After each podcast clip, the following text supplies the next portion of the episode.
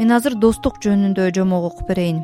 Илгери илгери бир кашкулак менен үпүп экөө кыйышпас дос болуп бири бирине касташпоого убада кылышып ант беришип дайым бир жүрүшөт канаттуулар үпүптү убадага бек сөзгө туруктуу дешип өздөрүнө бий шайлап алышат.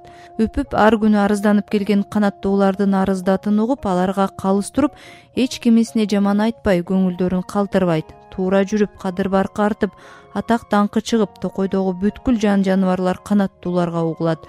Үпүптүн алдынан чыккан айбанаттар ийилип салам берип урматташып мындай сый урматка манчыркап көбө баштап кыял мүнөзү өзгөрүп толкундап турган учурда баягы кашкулак досу эсине түшүп ал досун алдырып алып экөөбүздүн достугубуз чын болсо семизибизди соелу эт майына тоелу дейт. Кашкулак үпүптүн көпкөнүн билет да. Үпүп дос экөөбүз кыйышпас жан элек канаттуулардын калыс бийи элек.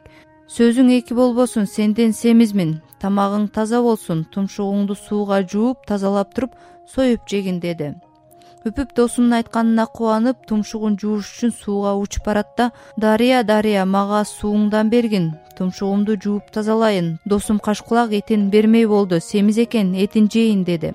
Дарыя болсо бул досун жейин деген кандай келесоон эме деп кашкулакка боор ачып ары бери толкуп чайкалат да суу берейин бирок идишим жок карапачыларга барганда идиш алып келгин дейт. Үпүп карапачыларга барып бир карапа бергиле. Ага суу алайын сууга тумшугумду малайын кашкулак досум семиз экен этин жейин деди.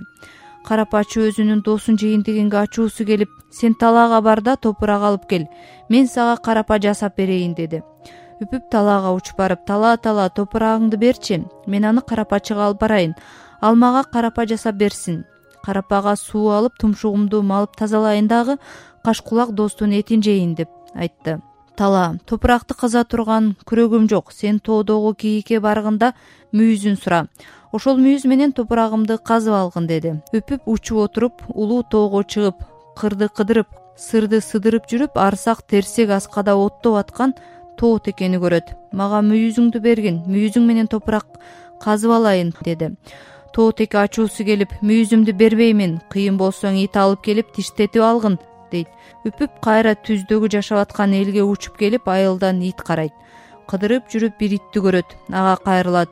Ой ит кеттик. Тоодо бир теке оттоп жүрөт. Ошону барып тиштегин. Этине тойгун. Мен болсо анын мүйүзүн алайын дейт.